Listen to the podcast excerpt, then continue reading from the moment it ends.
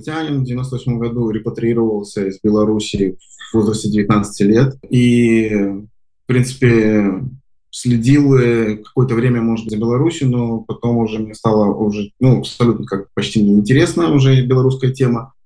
И периодически я приезжал, у меня есть родственники, огромное количество родственников. Могилы моих родителей находятся в Беларуси на Северном кладбище. И в девятнадцатом году мы э, с женой и с ребенком посетили Беларусь, э, были в Бресте, в Брестской крепости, в Белорусской пуще. Нам очень понравилось, и мы такие решили, что в 2020 году мы вернемся. А я для себя э, наметил, что я поеду по местам моих предков. То есть у нас в Израиле очень это развито, э, вернуться на места, откуда э, вышла твоя семья. Я нашел, что э, мой дедушка, он родом из Турова, и он там был довольно не последним, ну, прадедушка, точнее, был довольно не последним человеком, как оказалось. А бабушка деревня Кузьмичи тоже в Полесье. Вот. И в 2020 году я ехал с целью, ну, естественно, повидаться с родней, и посетить эти места, э, где откуда вышла моя семья, и одновременно показать своему на тот момент восьмилетнему сыну или семилетнему, тогда было неважно, вот, что, э, ну, как, что вообще, где, откуда на, на наш род. Для этого я даже обратился в архив, который находится на улице Кропоткина, получил от них какой-то ответ, э, вот, э, нашел свидетельство о браке поэтому, э, с моих дедушкой с бабушкой, и вот так я узнал, откуда, в принципе, они родились. Естественно, это очень важный момент. Мы билеты купили еще в январе, когда вообще никаких выборов даже не было известно. Некоторые меня обвиняют, что я приехал под выборы, провокатор и все такое. Ну, как я мог в январе, покупая билет, знать вообще, когда будут эти выборы? Я вообще не интересовался. И для меня выборы ну, в Беларуси это назывались всегда выборы Лукашенко. То есть все было ясно. Как бы. Я был уверен, что там, династия Кимов будет династия Лукашенко в Беларуси. Поэтому как-то не особо внимания на это не обращал. А потом э, коронавирус наступил, естественно. И мы даже думали отменить поездку, но в конце июня Беларусь резко открыла э, двери, разрешила въезжать без всяких проблем. И, в принципе, это была единственная страна, куда можно было из Израиля спокойно полететь. И, естественно, у нас летом а, а, сильная жара, и поэтому мы любим уезжать куда-нибудь э, места, где прохладнее, скажем так. Вот Беларусь как раз таким местом является.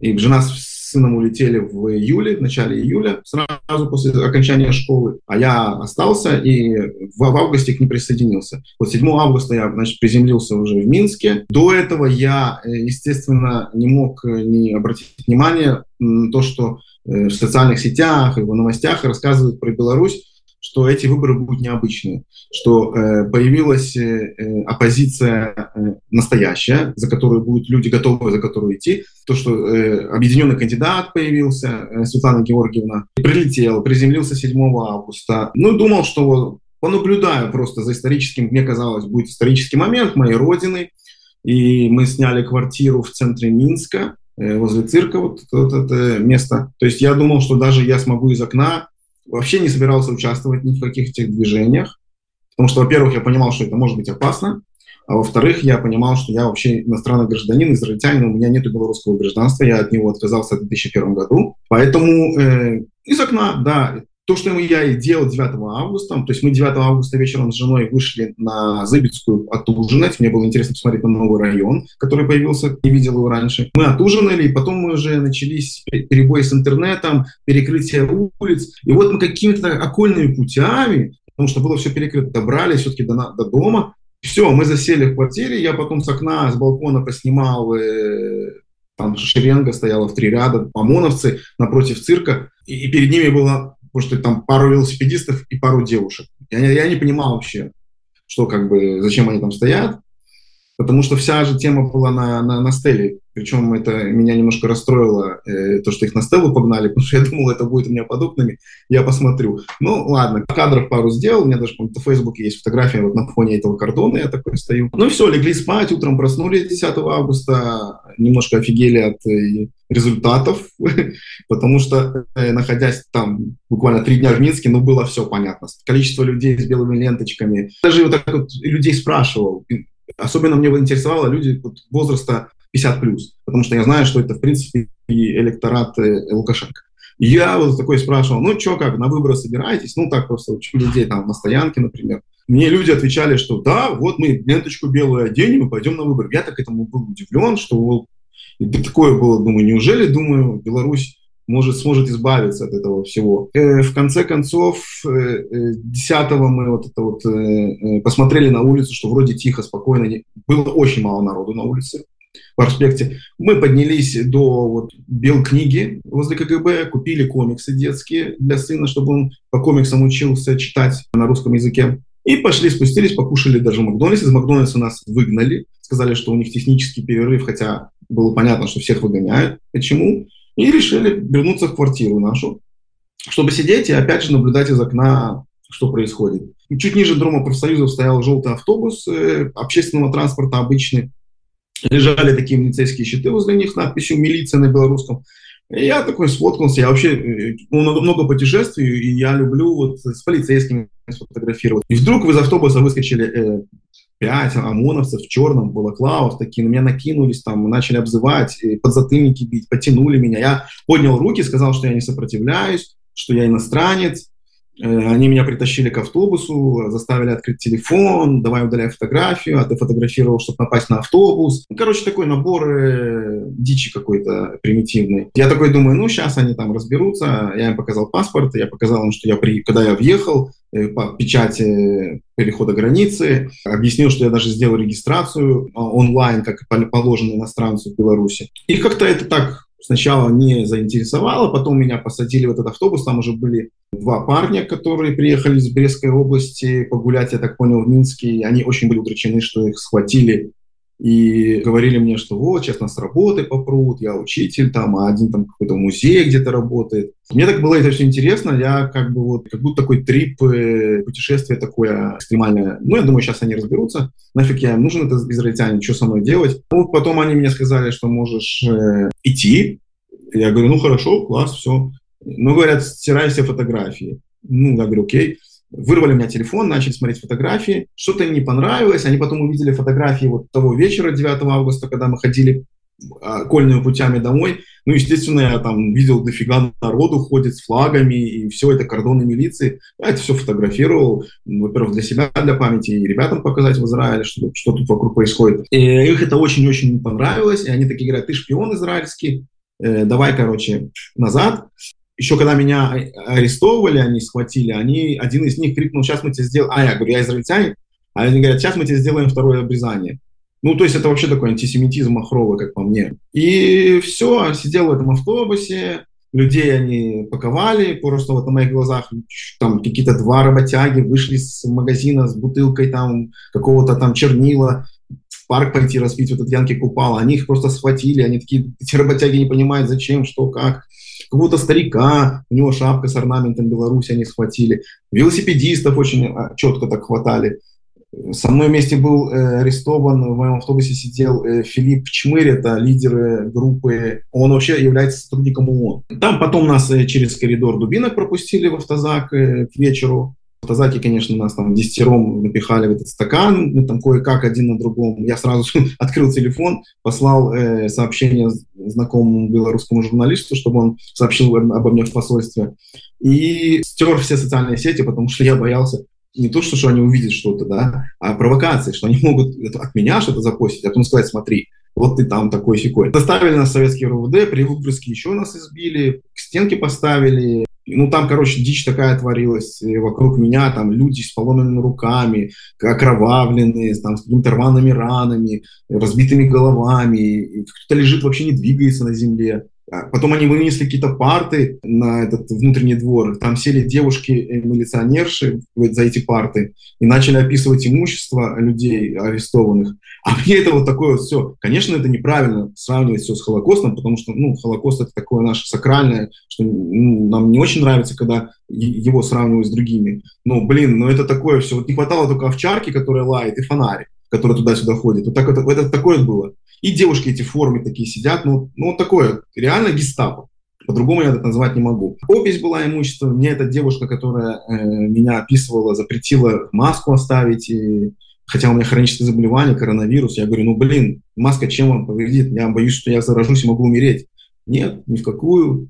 сообщите посольство, я вам ничего не буду сообщать, короче. К стенке поставили нас потом э, вот там на стоянке за РУВД, где мы всю ночь стояли в этих непонятных раскорячках, то руки так, то голову, и у тебя между забором и э, э, э, тобой по земле колючая проволока вот так вот идет кругом. То есть если ты в равновесие теряешь, ты в колючую проволоку падаешь. Вот. Ну, там кто-то двигался, кому не нравилось, его избивали. И по всему Минску вот, слышно было эти взрывы гранат шумовых, э, обычные, э, ну, а эти гранаты, которые, э, ну, света, света шумовые, стрельбы какие-то. А советское РВД недалеко от универсама Рига находится, а там на Риге что-то было в эту ночь. И поэтому как бы мы это все слышали. А потом привезли этих ребят, которых на Риге похватали, их там вообще просто месили конкретно, там такие крики были. Вот. Мы не можем посмотреть, там оборачиваешься, тебя избивает, поэтому я старался, ну я вообще старался не выделяться, потому что ну, я поним, понимал, что типа, смысла нету. Там пере, начали перешептываться, знакомиться, там после меня вообще была женщина 50 лет, э, она юрист, она даже говорила, я голосовала за Лукашенко, а, а ее там схватили, потому что она шла в метро и хотела пройти в Купаловское метро. Ее не пустили, что-то там муж ее что-то пошутил с ОМОНовцем, и все. И их загребли, короче. Вот, их потом тоже прессовали э, после этого, еще пытались э, что-то им приписать. Подозвали меня, я, опять же, у меня все время было такое чувство, что вот они сейчас разберутся, что израильтянин, который попал просто под хапун, и нафиг я им не нужен. Отпустят, дадут, может быть, еще там пенделя какого-нибудь, и все, иди гуляй, больше не, не попадайся. То есть я вот был уверен, что это случится. И поэтому я ни, ни секунды не было страха. То есть если возле меня я видел люди, там некоторые там молодые, по 18 лет, они вообще тряслись от страха. Одного даже вырвало от страха. То у меня было такое, блин, я нахожусь в каком-то зазеркалье. Вот. Но вот сразу еще, когда меня арестовали, я понял, что надо мне как можно больше запоминать, потому что я являюсь свидетелем преступления. Я против преступления только против меня, но и против других. И у меня есть привилегия сообщить об этом миру. Ну вот я такой посланник. Вот. Но как бы что-то не отпускали. Потом меня подозвали протокол подписывать, где какую-то чушь написали, что я сопротивлялся милиции. Ну, короче, что такое, сопротивление, там, административка какая-то. Я говорю, я ничего подписывать не буду, что это за бред? Пишите тогда, что вы не согласны. Я говорю, я вообще ничего не буду писать нигде. Я говорю, это что вообще какой-то какой кошмар? Вот. Ну, а, а меня там матом окрыли. Кстати, вот эта вот особенность такого отборного мата. Я хоть и, и родился на бульваре э, Шевченко и, и всю жизнь там прожил, а это такой район еще тот, э, там, Зомбиленд я его называю, но такого отборного мата и такого я никогда не слышал. И это все исходило от, от милиционеров, просто был какой-то дичь. Ну, вот так мы стояли всю ночь, там, я посчитал 16 часов мы стояли вот так. У тебя ноги затекают, тебе холодно. Я вообще был в шортах, майке короткой, ночь, август, э, ну, прохладно было. Тем более я еще из Израиля. Мне, конечно, вот когда 10 градусов, мне, мне, мне, мне, для меня это уже как мороз. И мы, короче, молились, чтобы вышло солнце, уже побыстрее нас погрело, и вдруг там тучи начали находить. Это вообще больше всего меня испугало, что сейчас будет дождь, это будет жесть. В какой-то момент нам разрешили сесть на асфальт, а потом э, к обеду начали приезжать автозаки, начали грузить этих сургановских, которые с Риги арестовали. И вот я понял, что сейчас будет жескач, потому что там просто они кричали, что сейчас мы всех потлатых, и стату всех символикой ко мне, а сейчас они не доедут до Крестина. Вот. А я уже тогда знал, что Крестина это что-то такое неприятное, что лучше туда не попадать. Я думаю, о, блин, сейчас еще на Крестина повезут, там вообще никто разбираться не будет.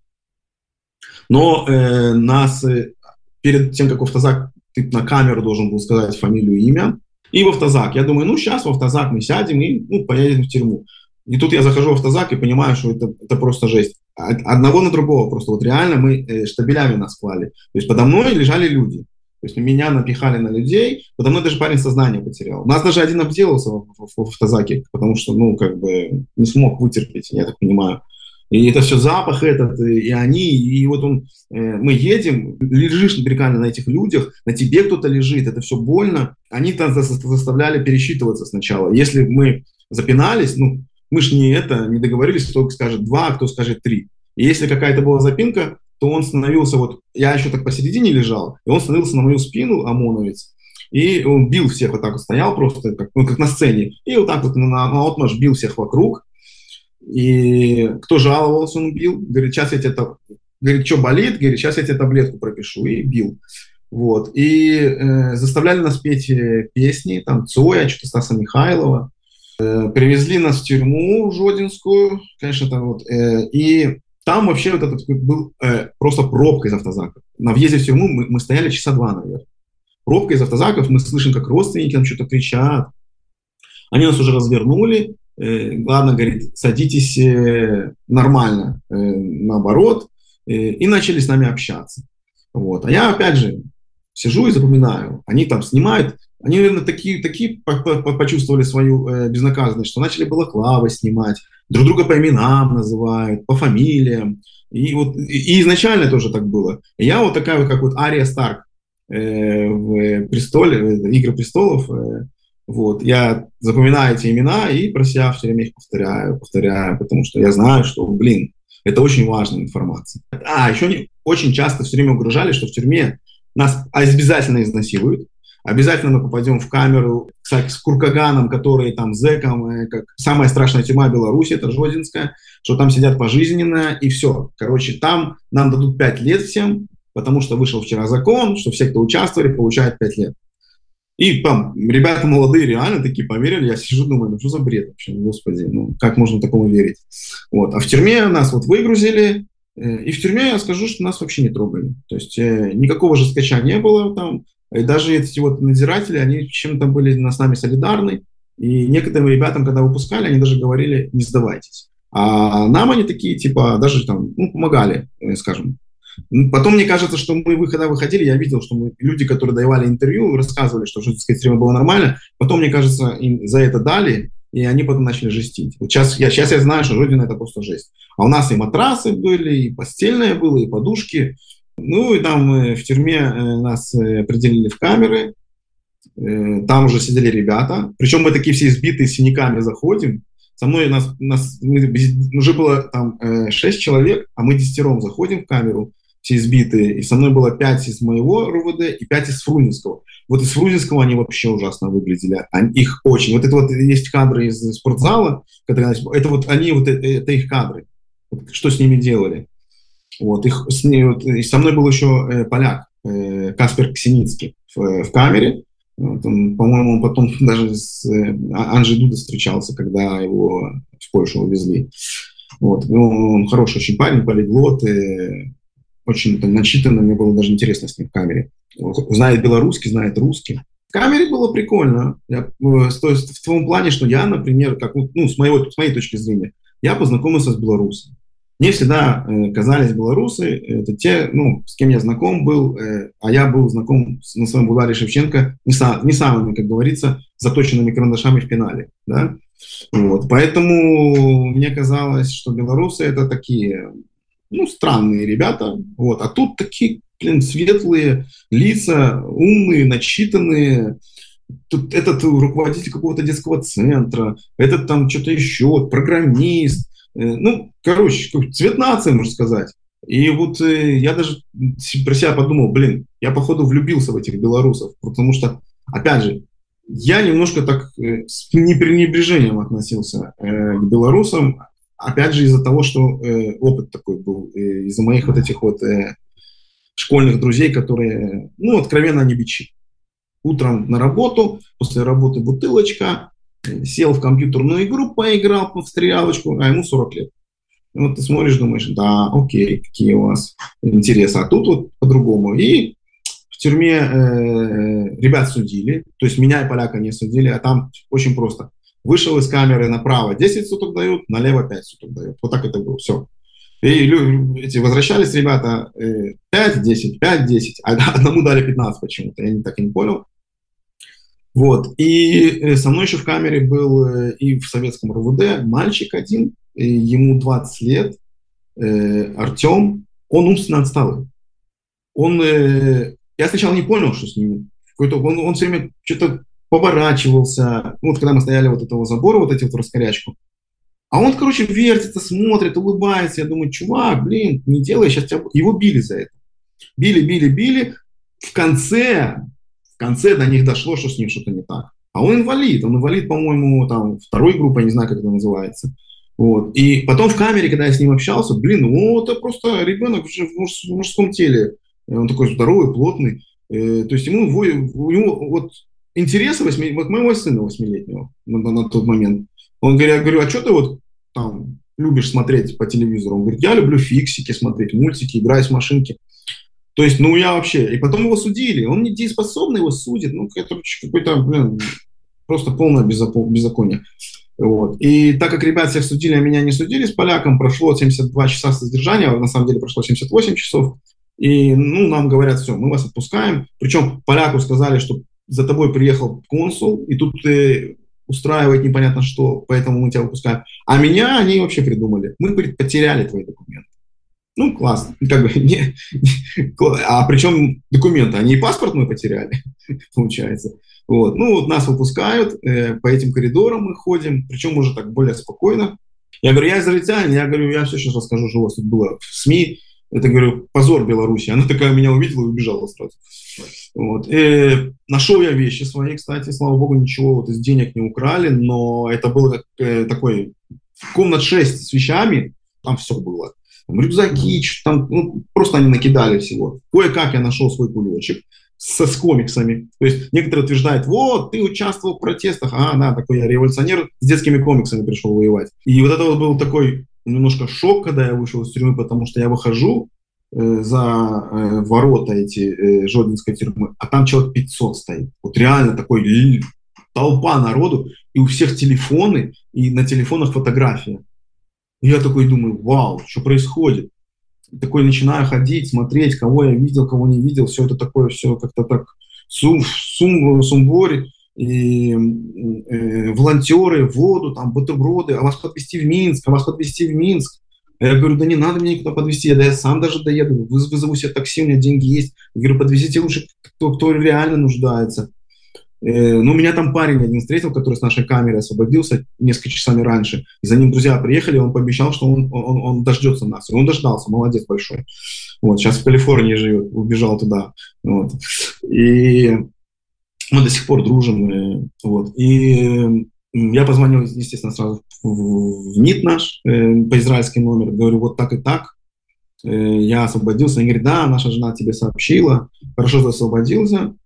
Вот, и все. А, ну мы сразу поехали э, к парню этому, к матери. Мы не поехали домой в Минск, мы поехали э, к парню э, этому, который у нас настал, Поехали к нему домой, встретили его маму, она, конечно, вся в шоке, что происходит. Мы сказали, что не волнуйтесь, он, он с ребятами, мы за ним следим все будет хорошо. Я там ей даже денежку какую-то дал, чтобы она немножко так вот э, пришла в себя, потому что она начала немножко истерить. Но это нам было важно, чтобы ей сообщить, потому что другие, ладно, там, ну и вот а, я представляю, что она в душе чувствует. И вернулся домой, там жена с ребенком, все. Ну, ребенок проснулся, встретили там ночью меня. Вот. И все, я начал исполнять свою миссию. Я начал на следующий день ну, ну, по всем связям, по всем контактам с, с, э, искать журналистов в Израиле, в Беларуси, в Англии, в Германии. Э, так вышло, что я э, довольно, э, ну, я один из лидеров э, э, русскоязычных болельщиков Ливерпуля по всему миру. Вот. И у меня очень большие связи с спортивными журналистами по всему миру. Вот. И поэтому я через них э, говорю, ребята, выводите меня на, на, нормальных, ну, на нормальных, обычных журналистов, не спортивных, потому что я могу очень интересные истории рассказать. Вот. И поэтому меня начали сразу выводить, я там Билду, по-моему, давал, ну, там много кому. Там у меня прям просто был как бы записаны интервью один за другим.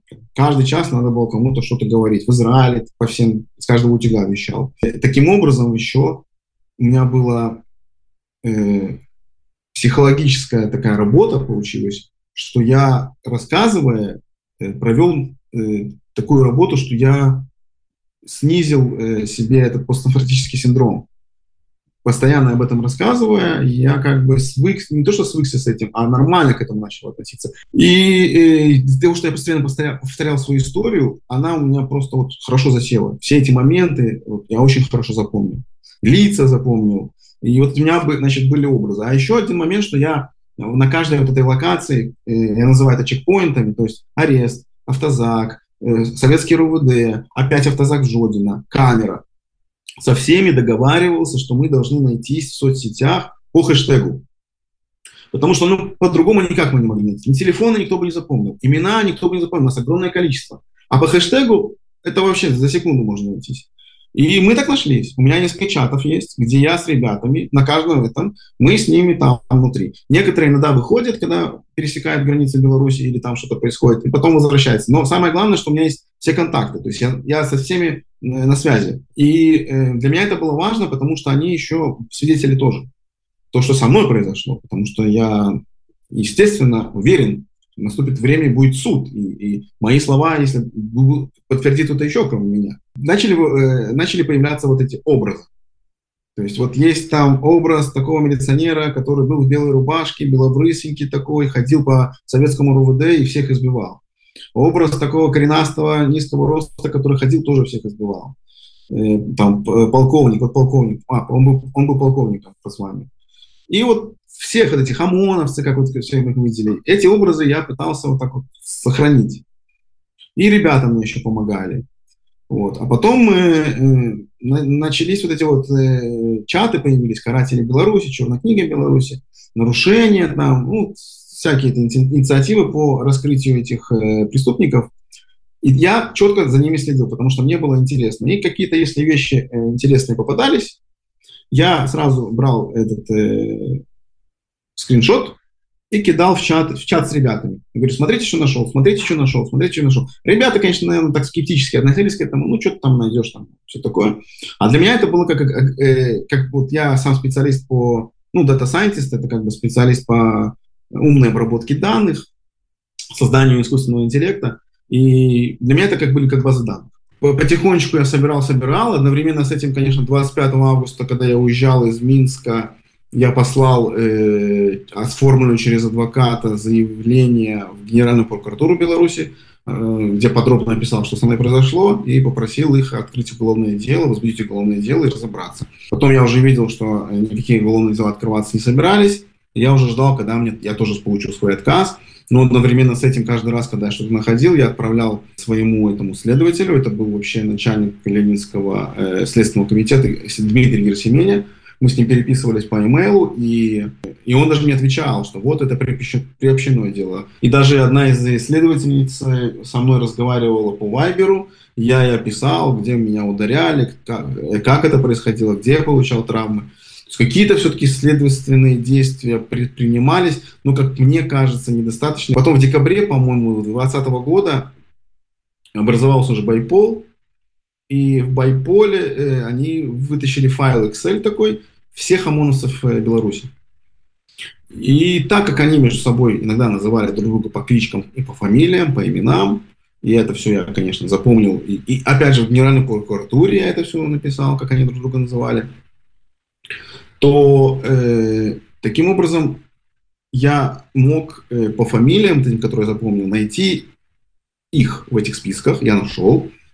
И круг мой сузился до взводов я решил, что, скорее всего, они действовали взводами. Вряд ли э, я, как сам человек, который был в армии три года, не знаю, как это все работает, я, я был даже командиром в армии, командиром отделения, я уверен, что когда ты идешь на какую-то такую вещь, ты не будешь делать какие-то людей из разных взводов. Ты явно работали по взводам, поэтому снизилось, сузилось до двух э, взводов ОМОНа, это вот э, четвертая, четвертая рота и, и вторая рота, там два взвода. Значит, они меня уже заинтересовали, эти, эти списки фамилий.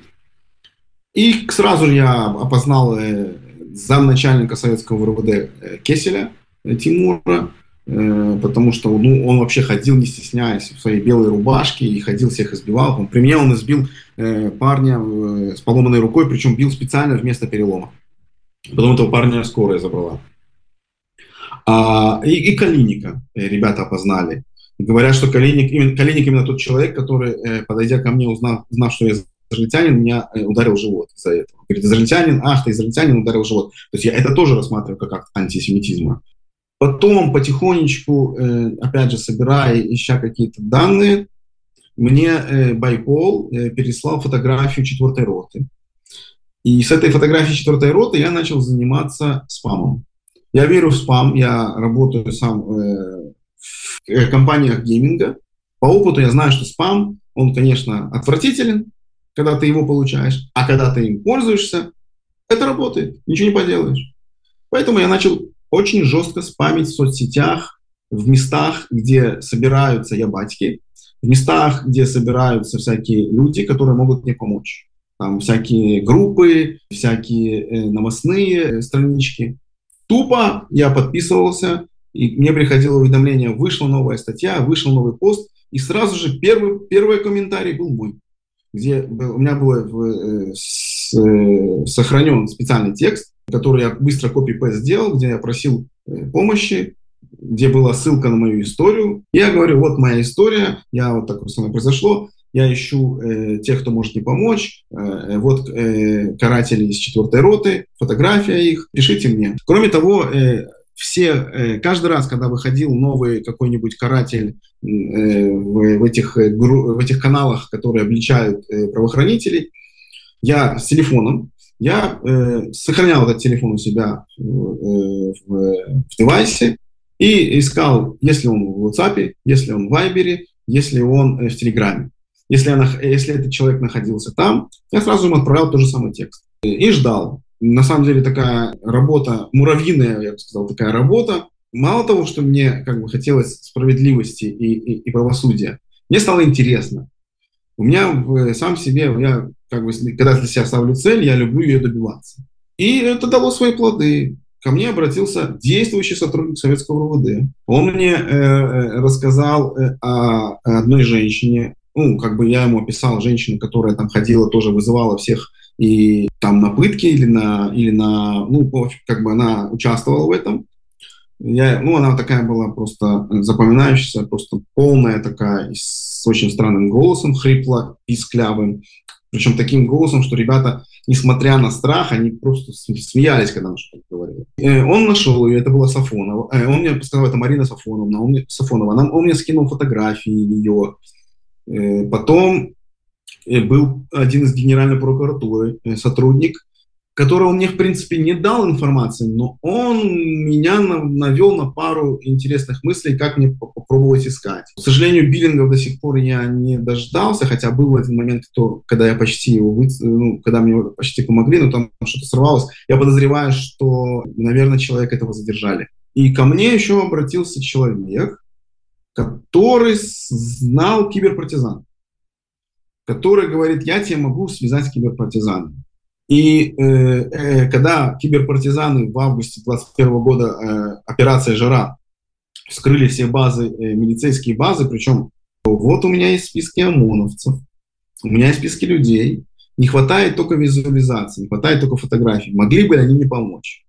Ну, пони, ну, и они такие говорят, да, мы тебе поможем. И да, на мое день рождения 1 декабря, это было так интересно, что именно на мое день рождения 1 декабря я получаю файл, где это те вот два взвода, которые просил ОМОНцев, фотографии, вся информация, телефоны, какие звания у них, когда они получают. Ну, там, ну, просто, я, мне кажется, я знаю больше о них, чем они сами о себе и их родители. Вот, поэтому э, и все. То есть теперь уже они обличены, то есть есть фотографии.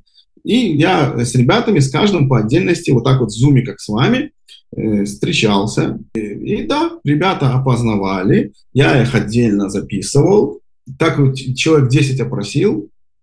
И все, вот у меня, короче, эти образы, которые мы запомнили в августе тогда, они уже вылились в фамилии, имена, фотографии.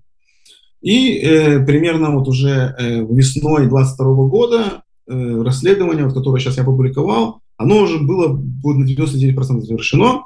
Единственное, я еще должен был найти женщину, которая запретила мне ставить маску. Плюс она еще отказалась сообщить обо мне в посольстве, что это тоже преступление, уже должностное. И вот э, я, опять же, обратился к киберам, подумал, что как я эту женщину могу найти. Я не думаю, немного в советском РВД работает женщин. Попросил все фотографии. Дайте мне, пожалуйста, все фотографии всех женщин советского РВД. И нашел ее, потому что она такая была довольно такой необычной внешностью, скажем так. Вот. И э, все, как бы, вот тут у меня уже как бы закрылось э, почти все, и наступил момент, что я буду с этим делать. Ну, как оформить так, чтобы он был интересен, не мог никак понять.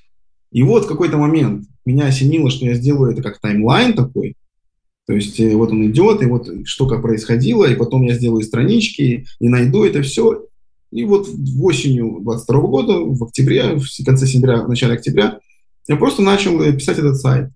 И опять же, сейчас я закупаю рекламу в социальных сетях. Вот. Я готов вкладывать даже свои средства э, в распространении этой информации. Опять же, тот же спам. Э, я в него, опять же, я верю. Потом у меня еще на будущее тоже есть несколько этапов. Я их пока не буду раскрывать. Мне э, еще нравится, что э, преступление против человечности не имеет срока давности. Поэтому, когда он, даже если его не скинут и, и наступит его смерть когда-нибудь, а новый правитель, который придет после него, ну, тот же условный Коля, ему придется все-таки немножко либерализацию устроить. Надо купить да, любовь народа. И это наступит. И э, будет суд. Я вот, вот уверен на все сто процентов. На все сто процентов, что это случится. Поэтому как бы это будет последний этап, когда я буду сидеть и смотреть, как он будет засчитывать приговор.